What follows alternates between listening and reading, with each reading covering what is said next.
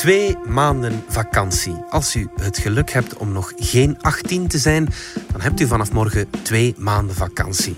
En nu willen we niet meteen de grote pretbederver zijn, maar twee maanden is eigenlijk te lang om goed te zijn. En toch houden wij er in Vlaanderen aan vast.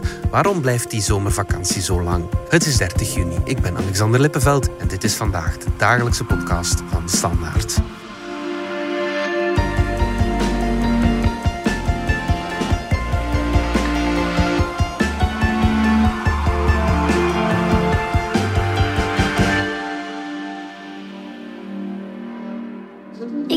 Vind het goed zoals het nu is.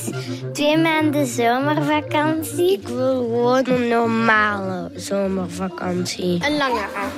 Omdat ik wil ook een keer rust hebben. Zeg maar. Dus niet naar school gaan. Kortere.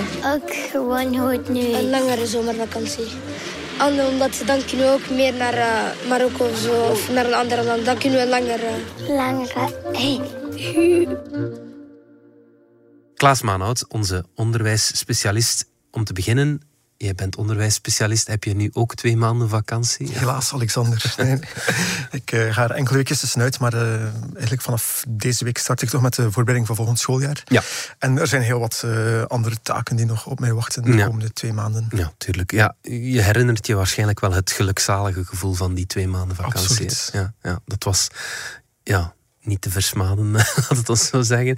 Maar twee maanden, dat is bij ons zo, maar dat is niet iedereen gegeven. Nee, inderdaad. eh, Dus in Vlaanderen hebben we de traditie om ja, zo'n negen weken vakantie. In veel secundaire scholen is dat eigenlijk de facto tien weken vakantie Ja. eh, te nemen. Eh, ook in Duitsland, Verenigd Koninkrijk en Nederland is dat wel zo. Maar ehm, in andere landen, zoals Luxemburg en Frankrijk, is dat wel wat minder. Mhm. Eh, daar hebben ze acht weken. Eh, in andere landen, zoals Italië en Portugal, heb je dan weer een nog langere vakantie. Dus het, het verschilt heel erg binnen Europa. Ja, ja, niet iedereen is zo blij met eh, onze lange, grote vakantie. Nee, inderdaad. Ik denk dat er verschillende partners zijn die niet heel tevreden zijn. Ik denk aan, eh, in de eerste plaats aan de ouders van kinderen in het lager onderwijs. Ik denk dat het voor hen heel vaak een eh, ja, hele moeilijke puzzel is om te leggen, omdat het toch om over negen weken gaat. Ehm, en ehm, ja, zoals als oudere kinderen kunnen al eens alleen thuis blijven, maar die kleine kinderen, daar heb je echt wel een programma voor nodig. En dat is ehm, niet gemakkelijk voor veel ouders. Dat je zelfs met kampen en toestanden heel moeilijk gevuld krijgt. absoluut. Ja, ja, ja, oké. Maar ook pedagogen maken zich zorgen om onze lange zomervakantie. We belden erover met professor cognitieve psychologie Wouter Duik, onderwijsspecialist aan de UGent. En hij wijst om te beginnen op die cognitieve achterstand. De vraag of we naar een kortere zomervakantie moeten, is een vraag die al heel lang circuleert. Hè. En het is een vraag die wat mij betreft een volmondig ja behoeft. Hè. Er zijn twee goede redenen, denk ik. Eh, De eerste reden is eigenlijk het algemeen onderwijsniveau. Eh, Er is redelijk veel onderzoek gebeurd over vakantie. En zo een van de beroemdste studies die gebeurd is, is een studie van psycholoog Harris Cooper. En zijn resultaten waren, waren eigenlijk heel duidelijk. hè. De schoolvakantie leidt gemiddeld tot een cognitieve achteruitgang die overeenkomt met een maand onderwijs. Dat betekent dus eigenlijk dat kinderen in september een maand naar school moeten gaan vooraleer ze weer op het niveau zitten dat ze haalden toen de vakantie begon. Dus het duurt een maand vooraleer men de achteruitgang in de vakantie eigenlijk opnieuw ingehaald heeft. Maar, en zo mogelijk nog belangrijker, er is ook een sociaal aspect aan de hele zaak. Er is ook een tweede reden, dat is met name ook gelijkheid. Want als ik het heb over één maand cognitieve vertraging, dan weten we eigenlijk dat de sterke leerlingen, eh, kansrijke leerlingen, leerlingen die in een taalrijke omgeving opwonen, waar boeken in huis zijn, waar internet is, die gaan er eigenlijk tijdens de vakantie nog op vooruit. Hè. Dus men doet al eens een taalkamp bijvoorbeeld. Hè. Eh, men, krijgt al, men leest al eens een boek, men krijgt misschien al eens hè, een werkje van vader of moeder. Ehm, en die kinderen gaan erop vooruit. En het zijn de kansarme kinderen die er tijdens de vakantie, hou u vast, eh, drie maanden op achteruit gaan. Hè. Dus ehm, dat is toch wel een redelijk grote kloof. En dat betekent dus dat je die kansarme kinderen dus eigenlijk al naar school moet sturen. September, oktober, een stuk van november. Vooraleer ze eigenlijk die vakantie terug uitgewist hebben. En dit is dus wel een immens probleem. Dat probleem is moeilijk te onderschatten, dat zegt Wouter Duik. Dus wij hebben het heel vaak, en zeker in Vlaanderen doen we dat te vaak, hè, zeggen we dat onderwijs reproduceert sociale ongelijkheid. Hè. Ik ben het daar grosso modo niet uh, mee eens. En een van de redenen waarom ik het daar niet mee eens ben, is omdat we dus zien dat die kloof dus eigenlijk niet in eerste instantie ontstaat tijdens de school zelf. Nee, die kloof ontstaat voor de helft tijdens de vakanties. De minister van Onderwijs van de Franse gemeenschapsregering, Caroline Desir van de PS, die beloofde het onderwijslandschap nog deze regeerperiode te hertekenen. Ze hield woord. Het Franstalig onderwijs switcht vanaf september 22 naar het zogenaamde 7-2-model. Klopt, hè, Klaas? Ja, inderdaad. Uh, recent kwam het nieuws dat uh, in Franstalige België er vanaf het schooljaar uh, 22-23 geknipt wordt in de zomervakantie. -hmm. Dat betekent dat die zomervakantie twee weken minder lang zal duren. Dus uh, er wordt zowel aan het begin als aan het einde een weekje afgeknipt. Okay. Maar dat wordt wel gecompenseerd. Het is niet zo dat leerlingen in totaal langer naar school zullen gaan. Nee, er komt een weekje bij in de herfstvakantie ja. en een weekje uh, in de krokusvakantie. Ja, oké. Okay. Ja, en dan is elke vakantie in het schooljaar ja, krijg je dus eigenlijk vier lang. blokjes van twee ja. weken. Ja, ja, ja. Wat dan een meer ja, uitgebalanceerd en evenwichtiger schooljaar zou kunnen betekenen. Wat mij betreft hoeft die inkorting van twee weken ook niet gecompenseerd te worden in andere uh, vakantieperiodes. Hè. Je zou het ook gewoon kunnen inkorten. Hè. Um, ik begrijp dat dat natuurlijk voor leraren dan een veel minder, minder populaire maatregel zou zijn, dat het voor sociale partners ook niet evident is. Langs de andere kant vind ik eigenlijk ook dat dat eigenlijk wel zou moeten kunnen. Hè. Ik bedoel, in Vlaanderen, de kranten staan er vaak vol van, gaan we nu al twintig jaar achteruit. Hè. En in het gestolde land, wat Vlaanderen of wat België is, hè, onderwijs is natuurlijk een Vlaamse bevoegdheid. Hè dan leggen we ons ook te vaak neer, denk ik, bij de moeilijkheden die we ondervinden om dingen te veranderen. We zullen wel eens iets moeten veranderen als we dat tij willen keren, natuurlijk. Dus wat mij betreft moeten die periodes niet gecompenseerd worden in andere vakanties, maar als dat het smeermiddel is wat nodig is om sociale partners zover te krijgen, dan kunnen we dat wel doen. En dan nog, zelfs al compenseren we in andere vakanties, is het wel een goede maatregel, denk ik. Voor Wouter Duik mogen er dus gerust wat vakantiedagen verdwijnen. Klaas, wat zegt de Vlaamse regering daarover? Wel, voor Vlaanderen was die info niet nieuw. Hè. Dat, uh, die verandering in Franstalig België die was eigenlijk enkele jaren geleden opgepakt in het Pact Excellence. Dat is een mm soort van masterplan om de kwaliteit van het onderwijs toch omhoog uh, te brengen. Dus de minister, ook minister Wijts, was daarvan op de hoogte. In Vlaanderen blijft dit daar heel stil. Afgelopen schooljaar is dat uh, debat opnieuw gaan leven in Vlaanderen. Mm Natuurlijk door de coronacrisis ehm, moesten naar oplossingen gezocht worden. En dat was die kortere zomervakantie zeker een van de, ja. van de punten die, die de, tot de mogelijkheden behoorden. Mm -hmm. Maar blijft dat er heel weinig beweegt aan de Vlaamse kant. Ja, ja, ja. het is ook een hele ingrijpende verandering. Hè? Hoe je, het ook je zou inderdaad ja. kunnen zeggen dat het een zeer ingrijpende verandering is. Ons uh, Vlaamse onderwijs is daar op gericht. Mm -hmm. Maar natuurlijk, heel veel andere sectoren hangen daar wel een beetje aan vast. En ik denk in de eerste plaats aan de toeristische sector. Ja. Dus het is inderdaad wel zo dat als je daar in schuift, dat er heel wat sectoren zijn die ook wel een kleine beweging zullen moeten maken. Ja, is dat de voornaamste reden waarom het in Vlaanderen niet van de grond komt? Wel, het is denk ik wel de voornaamste reden waarom dat minister van Onderwijs, Ben Wijts, op dit moment zegt van we gaan er niets aan raken. Ja. Je zou kunnen zeggen van ja, in de eerste plaats gaat het over onderwijs, maar ik denk wel als we dat in Vlaanderen willen veranderen, dat het een debat moet zijn dat echt wel Vlaanderen breed wordt uh, gevoerd ja. en ook breder gaat dan onderwijs alleen. Het moet eigenlijk een soort van statement zijn van de Vlaamse regering, waarbij de alle verschillende ministers uh, betrokken worden. De Vlaamse regering schaart zich voorlopig achter Wijts. Dat blijkt uit het antwoord van minister van Jeugd en Brussel, Benjamin Dalle, eind vorige maand in het Vlaams parlement. Hij kreeg er vragen over, omdat in Brussel er natuurlijk twee taalgroepen naar school gaan. Op dit moment is sleutelen aan de schoolvakanties niet de topprioriteit. We hebben op dit moment uh, belangrijke katjes te geestelen. En dit is een fundamenteel en uiterst belangrijk debat. En uh, vanuit die optiek is het voor de Vlaamse regering vandaag geen optie om het systeem dat de Franse gemeenschap installeert ook in te voeren, gelijktijdig in te voeren. Daartoe dient het gesprek binnen de Vlaamse gemeenschap met alle, alle betrokken actoren, dus ook bijvoorbeeld met de jeugdsector, eerst uh, grondig gevoerd te worden. Klaas, is het niet gewoon een kwestie van durven om dat heilige huisje te slopen?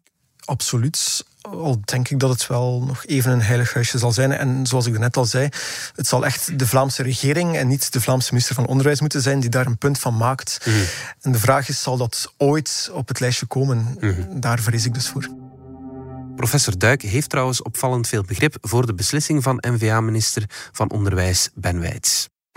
Ik moet wel zeggen dat voor de huidige legislatuur en voor de huidige minister, dat ik eigenlijk wel begrijp dat deze maatregel in Vlaanderen nu niet per se genomen moet worden. Hè? Um, omdat we wel een heel moeilijk jaar achter de rug hebben met corona. We hebben effectief heel veel gevraagd van onze leraren. Die hebben keihard gewerkt, ook in vakanties. Ze hebben dat gedaan in moeilijke omstandigheden. Ik zou het nu niet doen, maar ik vind wel dat we deze crisis moeten aangrijpen om het debat inderdaad wel te voeren, op te starten. Hè? Zodanig dat we de beslissing misschien wel op het einde van de legislatuur of misschien begin de volgende legislatuur uh, wel eindelijk eens kunnen nemen. Het is natuurlijk niet nieuw. Een kwart eeuw geleden, in 1997 om precies te zijn, legde VUB-socioloog Ignace Glorieux de piste van een ingekorte zomervakantie op tafel met drie stevig onderbouwde rapporten. Hij toetste het idee af bij toenmalig minister van Onderwijs Luc van den Bossen. Er werd grondig over gedebatteerd, maar uiteindelijk bleef het voorstel dode letter. En Klaas, ook de opvolgers van Van den Bossen, die legden de piste stevast ja, naast zich neer. Wel, er wordt al tientallen jaren af en toe over gesproken. Ik denk de laatste keer was uh, in 2013, toen het idee van de verkorte zomervakantie uh, op een congres van CD&V besproken werd. Maar dat idee is daar uh, gesneuveld. Mhm. De onderwijssector heeft traditioneel een ja, sterk middenveld, om het zo te zeggen. Wat denken zij daarvan? De vakbonden zijn geen fan van de verkorte zomervakantie op dit ogenblik. ook het Katholiek Onderwijs Vlaanderen, de grootste netwerkvereniging, die, die was in het verleden een coole minnaar het gemeenschapsonderwijs, dus het GO, liet weten dat zij er misschien wel voor uh, te vinden waren.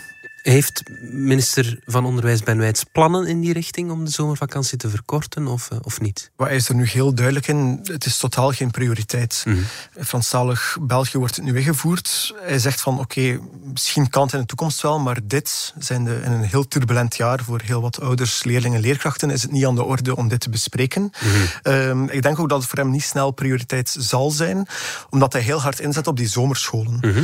Eh, die zomerscholen, dat zijn initiatieven uh, van scholen zelf, die, die in de zomervakantie gemiddeld twee weken leerlingen opvangen die er nood aan hebben. Dat gaat dan in eerste instantie om kwetsbare leerlingen. Ehm, het feit dat de minister die, die zomerscholen wil verankeren in ons Vlaamse onderwijslandschap, is voor mij toch een signaal dat hij niet onmiddellijk denkt aan die verkorte zomervakantie. Maar net als vorig schooljaar hebben we heel wat maatregelen genomen. En eigenlijk hebben we altijd steeds meer maatregelen genomen om te zorgen voor dat, uh, of te vermijden dat er leerachterstand tot stand zou komen. We hebben ervoor gezorgd dat de zomerscholen, en die we ook gaan uh, voortzetten, dat daar voor middelen zijn uitgetrokken. We hebben voor bijscholen gezorgd. Dus bijscholen wil zeggen het uh, bijspijkeren van kinderen en jongen met een leerachterstand buiten de schooluren, in de weekends, maar kan ook na, na de schooluren. En in andere vakanties dan in de zomervakantie. En kunnen die zomerscholen dan ook die, die summer loss, zoals je het noemt, kunnen die dat dan ook opvangen? Voorlopig is daar heel weinig onderzoek naar, maar ehm, een onderzoek vorig jaar, denk ik, van de Thomas More uh, Hogeschool, de Excel, bleek toch dat die zomerscholen, als je ze effectief aanpakt, effectief echt wel kunnen bijdragen om die achterstanden of, of om die vertraging een beetje weg te werken. Ook Wouter Duik is om die reden best wel fan van zomerscholen, maar hij wijst ook op een risico. Zomerscholen zijn op zich wel een antwoord op het probleem van de cognitieve achteruitgang tijdens een lange zomervakantie. Uh, we weten uit onderzoek dat die goede effecten kunnen hebben. Ik zeg wel kunnen hebben, want het is belangrijk dat ze uh, uh, een kwaliteitsvolle invulling krijgen. Het volstaat niet dat men leerlingen naar school gaat om dan enkel gedurende twee weken plezierige activiteiten te doen. Nee, er moet wel een kwaliteitsvol aanbod zijn en het moet ook wel gebeuren door professionele mensen. Dat zijn de twee voorwaarden hè, voor succesvolle zomerscholen. Maar als die vervuld zijn, dan weten we dat zomerscholen die zomerachteruitgang kunnen counteren.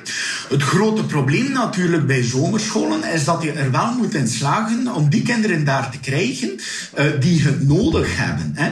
En uh, het gevaar is dan een beetje dat je in al die flankerende maatregelen misschien opnieuw de kansrijke kinderen bereikt, hè, waarvan vader en moeder zeggen, ja, ga maar naar de zomerschool, dan hebben we ook hè, geen opvang nodig en dan ben je tenminste nuttig bezig. Hè. En dat een kwetsbaar kind met lager opgeleide ouders, dat die misschien minder het nut inzien van dat soort initiatieven en dat je met de kinderen die het het meest nodig hebben niet bereikt. Klaas, wat zien we in het buitenland als, uh, als ze die switch maken? Wel, onlangs sprak ik met uh, Dirk van Damme, die dus uh, afscheid heeft genomen als topman, uh, onderwijstopman bij de OESO. Mm -hmm. En hij woont en werkt in Frankrijk. Daar hebben ze die beslissing genomen. En hij zei van, eigenlijk viel dat heel goed mee. Ja. In Vlaanderen wordt er vaak gezegd van, ja, maar de toeristische sector zal daarvan afzien. Hij zegt van, in Frankrijk is die sector eigenlijk heel tevreden. Namelijk, er is meer spreiding. twee weken herfstvakantie, twee ja. weken paasvakantie zou ook betekenen dat er vaker toeristen worden aangetrokken. Ja. Dus hij zegt van, het hoeft helemaal geen negatief verhaal te zijn. Mm. En eens het is ingevoerd, merkt hij in Frankrijk dat eigenlijk alles wel ja. wendbaar is. Mm -hmm, Oké. Okay. Klaas, we hebben allebei een zoontje van bijna een jaar oud. Denk je dat zij ooit uh, nog negen weken zomervakantie zullen hebben, eens ze naar school gaan? Het is natuurlijk uh, moeilijk om in een glazen bol te kijken, maar als ik eerlijk ben, denk ik dat die negen weken vakantie nog niet snel zullen verdwijnen. En wat met het mentale aspect? Moeten scholieren ook niet kunnen deconnecteren, ontstressen, ontspannen? Misschien zijn die negen weken wel nodig. Um, de vergelijking met het buitenland is gemaakt. Daar heeft nu zomervakanties die zes of zeven weken zijn. Hè? En men ziet dat die kinderen daar socio-emotioneel er toch niet slechter aan toe zijn dan onze kinderen. Er is natuurlijk ook de anekdotische evidentie van heel veel ouders die toch ervaren dat men op het einde van de vakantie hè, moeite heeft om kinderen uh, nog uh, zinvol uh, de tijd te laten spenderen. Dus er zijn toch heel veel ouders en kinderen die zeggen: ja, op het einde van die twee maanden, het wordt toch wel tijd dat de school opnieuw begint. Hè? want je kan geen acht keer op zomerkamp gaan, natuurlijk. Hè? Dus ja, uiteraard, vakantie heeft zijn nut. Hè? maar op zeven weken, denk ik, kan men die zaken toch ook wel realiseren. Wat de kinderen er zelf van vinden, dat hebben we in het begin al even gehoord. Ja, zo lijkt het nu is, jong. Klaas, zijn er daar ook cijfers van? Er was recent een uh, soort van enquête van de Vlaamse scholierenkoepel en daar werd die vraag gesteld.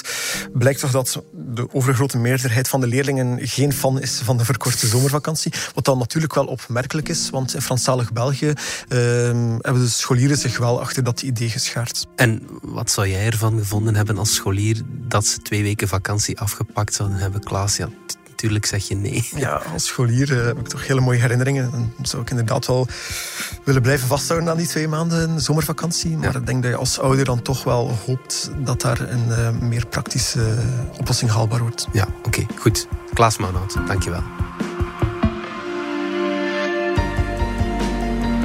Dit was vandaag de dagelijkse podcast van De Standaard. Bedankt voor het luisteren. Reageren kan via podcast.standaard.be. Alle credits vind je op standaard.be-podcast. Morgen zijn we opnieuw.